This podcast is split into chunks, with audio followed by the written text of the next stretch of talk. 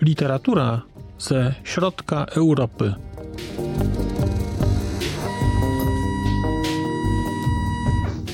Podcast około książkowy.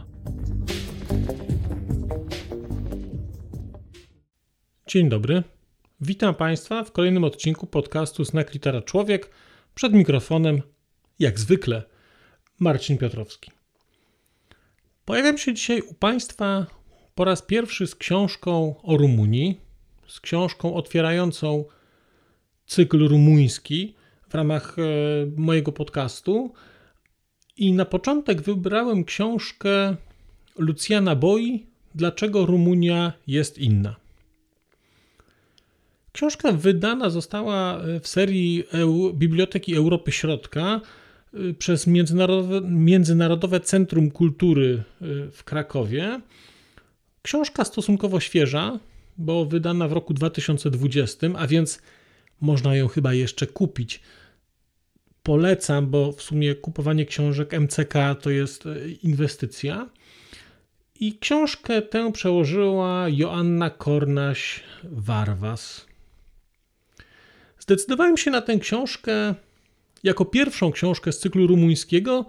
Y, miałem trochę trudny wybór, dlatego że wydaje mi się, że w tej chwili są trzy albo cztery takie książki, powiedziałbym, mam wrażenie, wprowadzające w kontekst rumuński na rynku. Na rynku albo są też łatwo dostępne w miarę. No ale tutaj zadziałała marka MCK, dlatego że z tych kilku książek e, przez nich wydanych w ramach Biblioteki Europy Środka nie zawiodłem się przy żadnej. Właściwie każda kolejna wzbudzała mój większy zachwyt. Mm, I to był pierwszy powód, a drugi był taki, że kiedy myślę o interakcji z książkami wydawanymi w ramach e, tej serii, y, to, y, że tak powiem, cieszę się bardzo. I nie inaczej było tym przypadku, to znaczy wiedziałem czego się spodziewać, wiedziałem jaki będzie układ typograficzny tej książki, wiedziałem jaki będzie poziom edytorski, wiedziałem jaki będzie poziom redakcyjny, a mimo to po raz kolejny zostałem zaskoczony. No, może nie zaskoczony, ale rzeczywistość e, dosięgła oczekiwań i to było po prostu wspaniały czas, kiedy patrzyłem na te szerokie marginesy, na ten delikatnie asymetryczny skład, na ten krój, e, na przypisy z boku e, w kolorze dominującym dla tego akurat tomu, takim kolorze ciemnozielono-khaki. No, coś pięknego. Więc Lucjan Boja trafił do mnie z powodów też czysto estetycznych. No dobra, ale może jednak mniej będę mówił o tym, jak ta książka wygląda, a bardziej o tym, co w tej książce jest. I tak sobie myślę, że chyba najlepiej, jeżeli miałbym opowiedzieć o tej książce, to chyba zacząłbym trochę od struktury i o tym, z czego ta książka się składa. We wstępie do, do książki Dlaczego Rumunia jest inna, do wstępie do polskiego wydania, Lucjan Boja pisze, że wprost mówi, że książka, którą czytamy, jest książką, która powstała ze złożenia dwóch innych książek. Pierwsza, pierwsza książka to jest książka tutaj, która została napisana na potrzeby y, czytelnika brytyjskiego. Jest to książka y, Rumunia na granica Europy, e, Romania Borderland of Europe, a druga to jest książka właśnie Dlaczego Rumunia jest inna. I teraz jedna, ta pierwsza została, została wydana w roku 2001, ta druga w roku 2012. Te książki zostały złożone, skomponowane, fragmenty gdzieś tam są podopisywane i one w Polsce ukazały się w roku w roku 2020 jako, jako jeden tom. Ten tom, ta książka, dlaczego Rumunia jest inna, jest taka, to, to jest jakieś 500 stron tekstu, no 480 stron do czytania, bo tam są jeszcze sporo przypisów mm, i bibliografii i tak dalej. Mm, I teraz tak, e, jak miałbym powiedzieć najkrócej, o czym jest ta książka, to powiedziałbym, że jest to wprowadzenie w kontekst rumuński, wprowadzenie w historię i, i kulturę na takim metapoziomie dla osób, które nie są Rumunami. Jednocześnie jest to opowieść o historii Rumunii, napisana przez historyka rumuńskiego, ale napisana przez historyka rumuńskiego, który mm, wydaje mi się jest w stanie takiego osoby, która ma już swoje lata, bo Lucjan Boja jest urodzony w roku 1944 i z racji wieku, wydaje mi się, jest też w stanie oderwać się od pewnych historii bieżących i patrzeć na tę historię z takiego poziomu wyższego, trochę z takiego e, całościowego spojrzenia. I książka Dlaczego Rumunia jest inna jest właśnie takim spojrzeniem na historię Rumunii. Istotne jest, żeby jasno powiedzieć, że ta książka nie jest wykładem na temat historii Rumunii. Ta książka jest wprowadzeniem w historię Rumunii. Dlatego mamy, można byłoby powiedzieć, kilka części e, w, takim, e, w, w, w tej książce. Pierwsza część to jest takie wprowadzenie, powiedziałbym, w geografię Rumunii, ale to nie jest książka geograficzna, tylko to jest trochę opowieść o tym, gdzie Rumunia jest położona i co z tego wynika. Jak bardzo jej e, topografia determinuje jej historię. Co wynika z tego, że leży nad e, Dunajem? Co wynika z tego, że dzielą ją Karpaty? To są rzeczy w sumie oczywiste bardzo i takie bierzemy je, zawsze przyjmujemy je tak, e, że, że tak po prostu jest. Ale szczególnie w przypadku Rumunii, akurat ten układ z tymi górami, które ten kraj dzielą, jest bardzo w sumie nieoczywisty, jeżeli patrzymy na Rumunię jako taką. I on bardzo wiele tłumaczy w kontekście historii Rumunii i tego, jak ten kraj powstawał i jak wyglądała jego historia na przestrzeni wieków. Więc mamy ten wątek takiej, takiego, nazwijmy to, kraju, takiego wprowadzenia trochę w geografię mm, i w to, to, co z geografii wynika, jak bardzo układ e, kraju czy układ geograficzny determinuje jego dzieje. Drugim takim wątkiem, który jest tutaj bardzo istotny i taki mocno jest rozwinięty, to jest wątek, nazwijmy to językowy. Dlatego, że ta Rumunia jest inna na wielu różnych wymiarach, ale także na wymiarze językowym. Jeżeli zajrzycie sobie Państwo na YouTube, ja załączę link do filmu w opisie odcinka. I są takie e, na YouTubie filmiki, które pokazują, jak Europa dzieli się językowo, to znaczy do jakiej rodziny językowej na przykładzie poszczególnych słów, takich bardzo popularnych, jabłko, miód, mama, książka, kościół i tak dalej, jak Europa się dzieli, jak kraje się dzielą. I to tak pięknie widać, jest Europa Zachodnia, są kraje e, te romańskie, jest Europa Północna, jest Słowiańszczyzna i w tym zalewie Słowiańszczyzny jest taki cudowny trend w postaci Rumunii i Węgier i Mołdawii. Te trzy kraje są kompletnie z innej bajki. I ta historia o języku jest tutaj właśnie pokazana jako historia stawania się Rumunii. Ale jednocześnie to jest fantastyczna opowieść o tym, o poszukiwaniu rumuńskiej tożsamości. Dlatego, że jeżeli znacie Państwo chociaż trochę któryś z języków romańskich, to język rumuński jest do nich szalenie podobny. Pytanie dlaczego? No i jest cały mit e, bardzo silnie obecny w Rumunii, w narracji rumuńskiej, że Rumuni są bezpośrednio pochodzą od, od Daków. Cała ta historia związana z obecnością rzymską, e, z prowincją, z romanizacją. I to jest bardzo ciekawy wątek, rzeczywiście, ale jak sam Boja zwraca uwagę, no, ale cóż powiedzieć o takich krajach dawnej Jugosławii, które pod w ramach Imperium Rzymskiego funkcjonowały nie przez lat 160 czy 200, tylko przez lat na przykład 600. Dlaczego one nie mówią po, e, nie, nie, nie dziedziczą tradycji e, rzymskiej, jeżeli chodzi o język, tradycji łacińskiej? Bardzo, bardzo to jest interesujące. Szalenie też jest pokazany taki ciekawy wątek dyskusji właśnie, czy język rumuński jest e, bezpośrednim e, spadkobiercą, czy, czy Rumuni w ogóle są bez, bezpośrednimi spadkobiercami Rzymian, czy są bezpośrednimi spadkobiercami Daków i taka całościowa dyskusja na ten temat, włącznie z jakimiś całkowicie absurdalnymi mm, argumentami, dlatego że no, Rumunia, jak każdy kraj, miała też swoich fanatyków historycznych, którzy e, różne rzeczy mm, dowodzili. Tak jak w Polsce dowodzą są dzieje Wielkiej Lechi, to się chyba nazywa, tak e, też są odpowiednicy byli w Rumunii.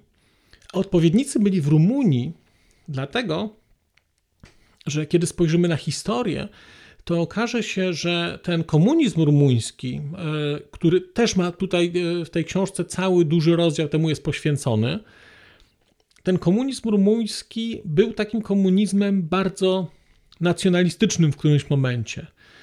I szczególnie pod koniec e, panowania rządów Czałszewsku, dominującą narracją była narracja komunistyczno-nacjonalistyczna, taka nacjonalistyczna, nie, nie, aż tak bardzo pejoratywnie, to znaczy nie budowana przeciwko komuś, tylko raczej mocno na chwałę Rumunii, podkreślająca różne wymiary, jako to Rumunia jest, jaka ta Rumunia jest wyjątkowa i unikalna, jak wszystko najlepiej robi i jest właściwie wcieleniem raju na świecie. I teraz z tego, co mówię, wynika, że te tematy się gdzieś przeplatają. I tak jest. To znaczy, z geografii wynika historia, z historii wynika język, język wpływa na historię, a to wszystko ma, ma kontekst geograficzny. I na takim najwyższym właśnie planie, dlaczego Rumunia jest inna, jest taką opowieścią. Jest taką opowieścią, gdzie jest, e, są główne rozdziały, które dotyczą jakiegoś głównego tematu, ale z nich cały czas są połączenia i przeskoki do czegoś, co już było mówione, czy co będzie mówione, i to wszystko tworzy taki bardzo, bardzo spójny obraz. I ten spójny obraz jest właśnie tym, co zapowiada tytuł. To znaczy, autor, Lucjan Boja, stawia taką tezę i sam ją trochę kwestionuje. Mówi: No cóż, każdy kraj może o sobie powiedzieć, że jest inny. A jednocześnie też bardzo jasno zauważa, że wyjątkowo często wśród Rumunów panuje przekonanie, że Rumunia jest krajem innym i w ramach swojej książki Boja pokazuje to, że Rumunia jest inna bardziej niż inne kraje o sobie sądzą, że są inne. Jak Czesi powiedzą o sobie, że są inni Słowacy, Polacy, Węgrzy. Zdaniem Boi, Rumuni mają większe, są, są bardziej u, u, uprawomocnieni do tego, mają większe prawo do tego, żeby powiedzieć, że oni są inni to czasami dobrze, czasami źle. To nie jest tak, że on to ocenia. Tylko, tylko Boja w tej książce pokazuje ileś sytuacji, czy ileś zjawisk, ileś zdarzeń, które no, trochę predestynują Rumunów do tego, żeby powiedzieć rzeczywiście, rzeczywiście my jesteśmy inni. Kiedy wspominałem o tym, że ta książka nie jest wykładem historii, to mówiłem tak nie przez przypadek, dlatego że mamy tu gdzieś mikro zarysowaną jakąś historię starożytną, ale naprawdę mikro, to są pojedyncze strony. Po czym jest bardzo jasno mówione, że de facto do wieku XIV nie ma pisanych źródeł na temat y, historii Rumunii i że właściwie wtedy, kiedy w Europie kończy się średniowiecze i zaczyna się renesans, to właściwie zaczyna się średniowiecze na terenach Rumunii, bo to nie jest Rumunia, tylko na terenach Rumunii. I potem tak naprawdę nie mamy całego wykładu historii, mamy tylko zarysowane punktowo pewne zdarzenia. Mamy konflikt y, y, tych krajów rumuńskich y, z Turcją, konflikt z Węgrami, potem podpadnięcie pod, pod zarządzanie przez Imperium Otomańskie. Co z tego wynikło?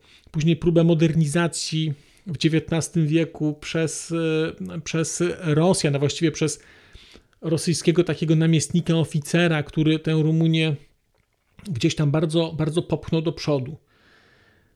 To jest bardzo, bardzo ciekawe, a jednocześnie jest na tyle ogólne, że nawet dla osoby takiej jak mówiący te słowa, który nie zna historii Rumunii, człowiek się w tym nie gubi. To znaczy, to jest na takim poziomie ogólności, że widzi te zjawiska, widzi te prądy, właściwie nie ma potrzeby zapamiętywania wszystkich nazwisk, które się pojawiają, a pojawia się ich bardzo niedużo.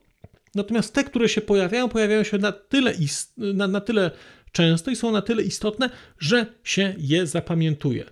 Stąd na przykład już wiem, i teraz jest mi dużo łatwiej odnaleźć kontekst kulturowy dla wszystkich rzeczy, które będę czytał później, które dotyczą na przykład idei monarchii czy próby budowy, budowy społeczeństwa, znaczy ustroju opartego o, o króla, o, o instytucję królewską. Dlaczego to się do pewnego stopnia powiodło, dlaczego nie, dlaczego Rumuni chcieli chcieli monarchię, e, chcieli monarchę z innej dynastii, nie od siebie. Fascynujące, fascynujące są to e, historie. I ta historia na takim poziomie meta, na takim poziomie trochę wyższym, jest opisana mniej więcej do początku lat 90. I potem jest, mam wrażenie, taki fragment, który nieco się zestarzał, bo, bo to jest taki rozdział, który opisuje trochę proces nazwijmy to demokratyzacji Rumunii. I rozumiem, że z punktu widzenia autora była to rzecz istotna.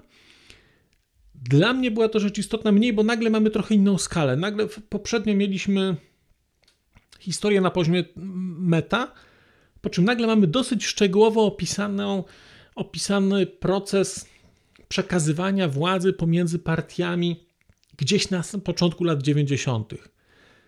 Jest to o tyle istotne, że gdzieś przynajmniej dla mnie ta książka była wypełnieniem ogromnej luki, którą miałem, bo ja gdzieś miałem taką, ja pamiętałem rewolucję w Rumunii, pamiętałem upadek Nikolaja Czałszewsku i pamiętałem jak e, oglądaliśmy to e, jeszcze w telewizji wtedy i tak naprawdę jak kibicowaliśmy tym, tym Rumunom. Mm, później gdzieś mi Rumunia zniknęła z mojego horyzontu. Dlatego, że uznałem, że tam nastąpiła taka sama zmiana jak w Polsce. No, dzięki tej książce dowiedziałem się, że nie. Dzięki tej książce dowiedziałem się, że de facto to, co się w Rumunii wydarzyło, to był kontrolowany zamach stanu, czy wykorzystanie tego, ale nadal można byłoby powiedzieć, partia komunistyczna utrzymała władzę i to jest niesamowicie tutaj pokazane i dla mnie to była ogromna, ogromna nowość. I to mi też bardzo dużo wyjaśniło w kontekście dalszych niepowodzeń Rumunów, czy takiego marazmu, w jaki ten kraj wpadł w, na, w ciągu kolejnych tam kilkunastu lat, dlaczego tak się wydarzyło.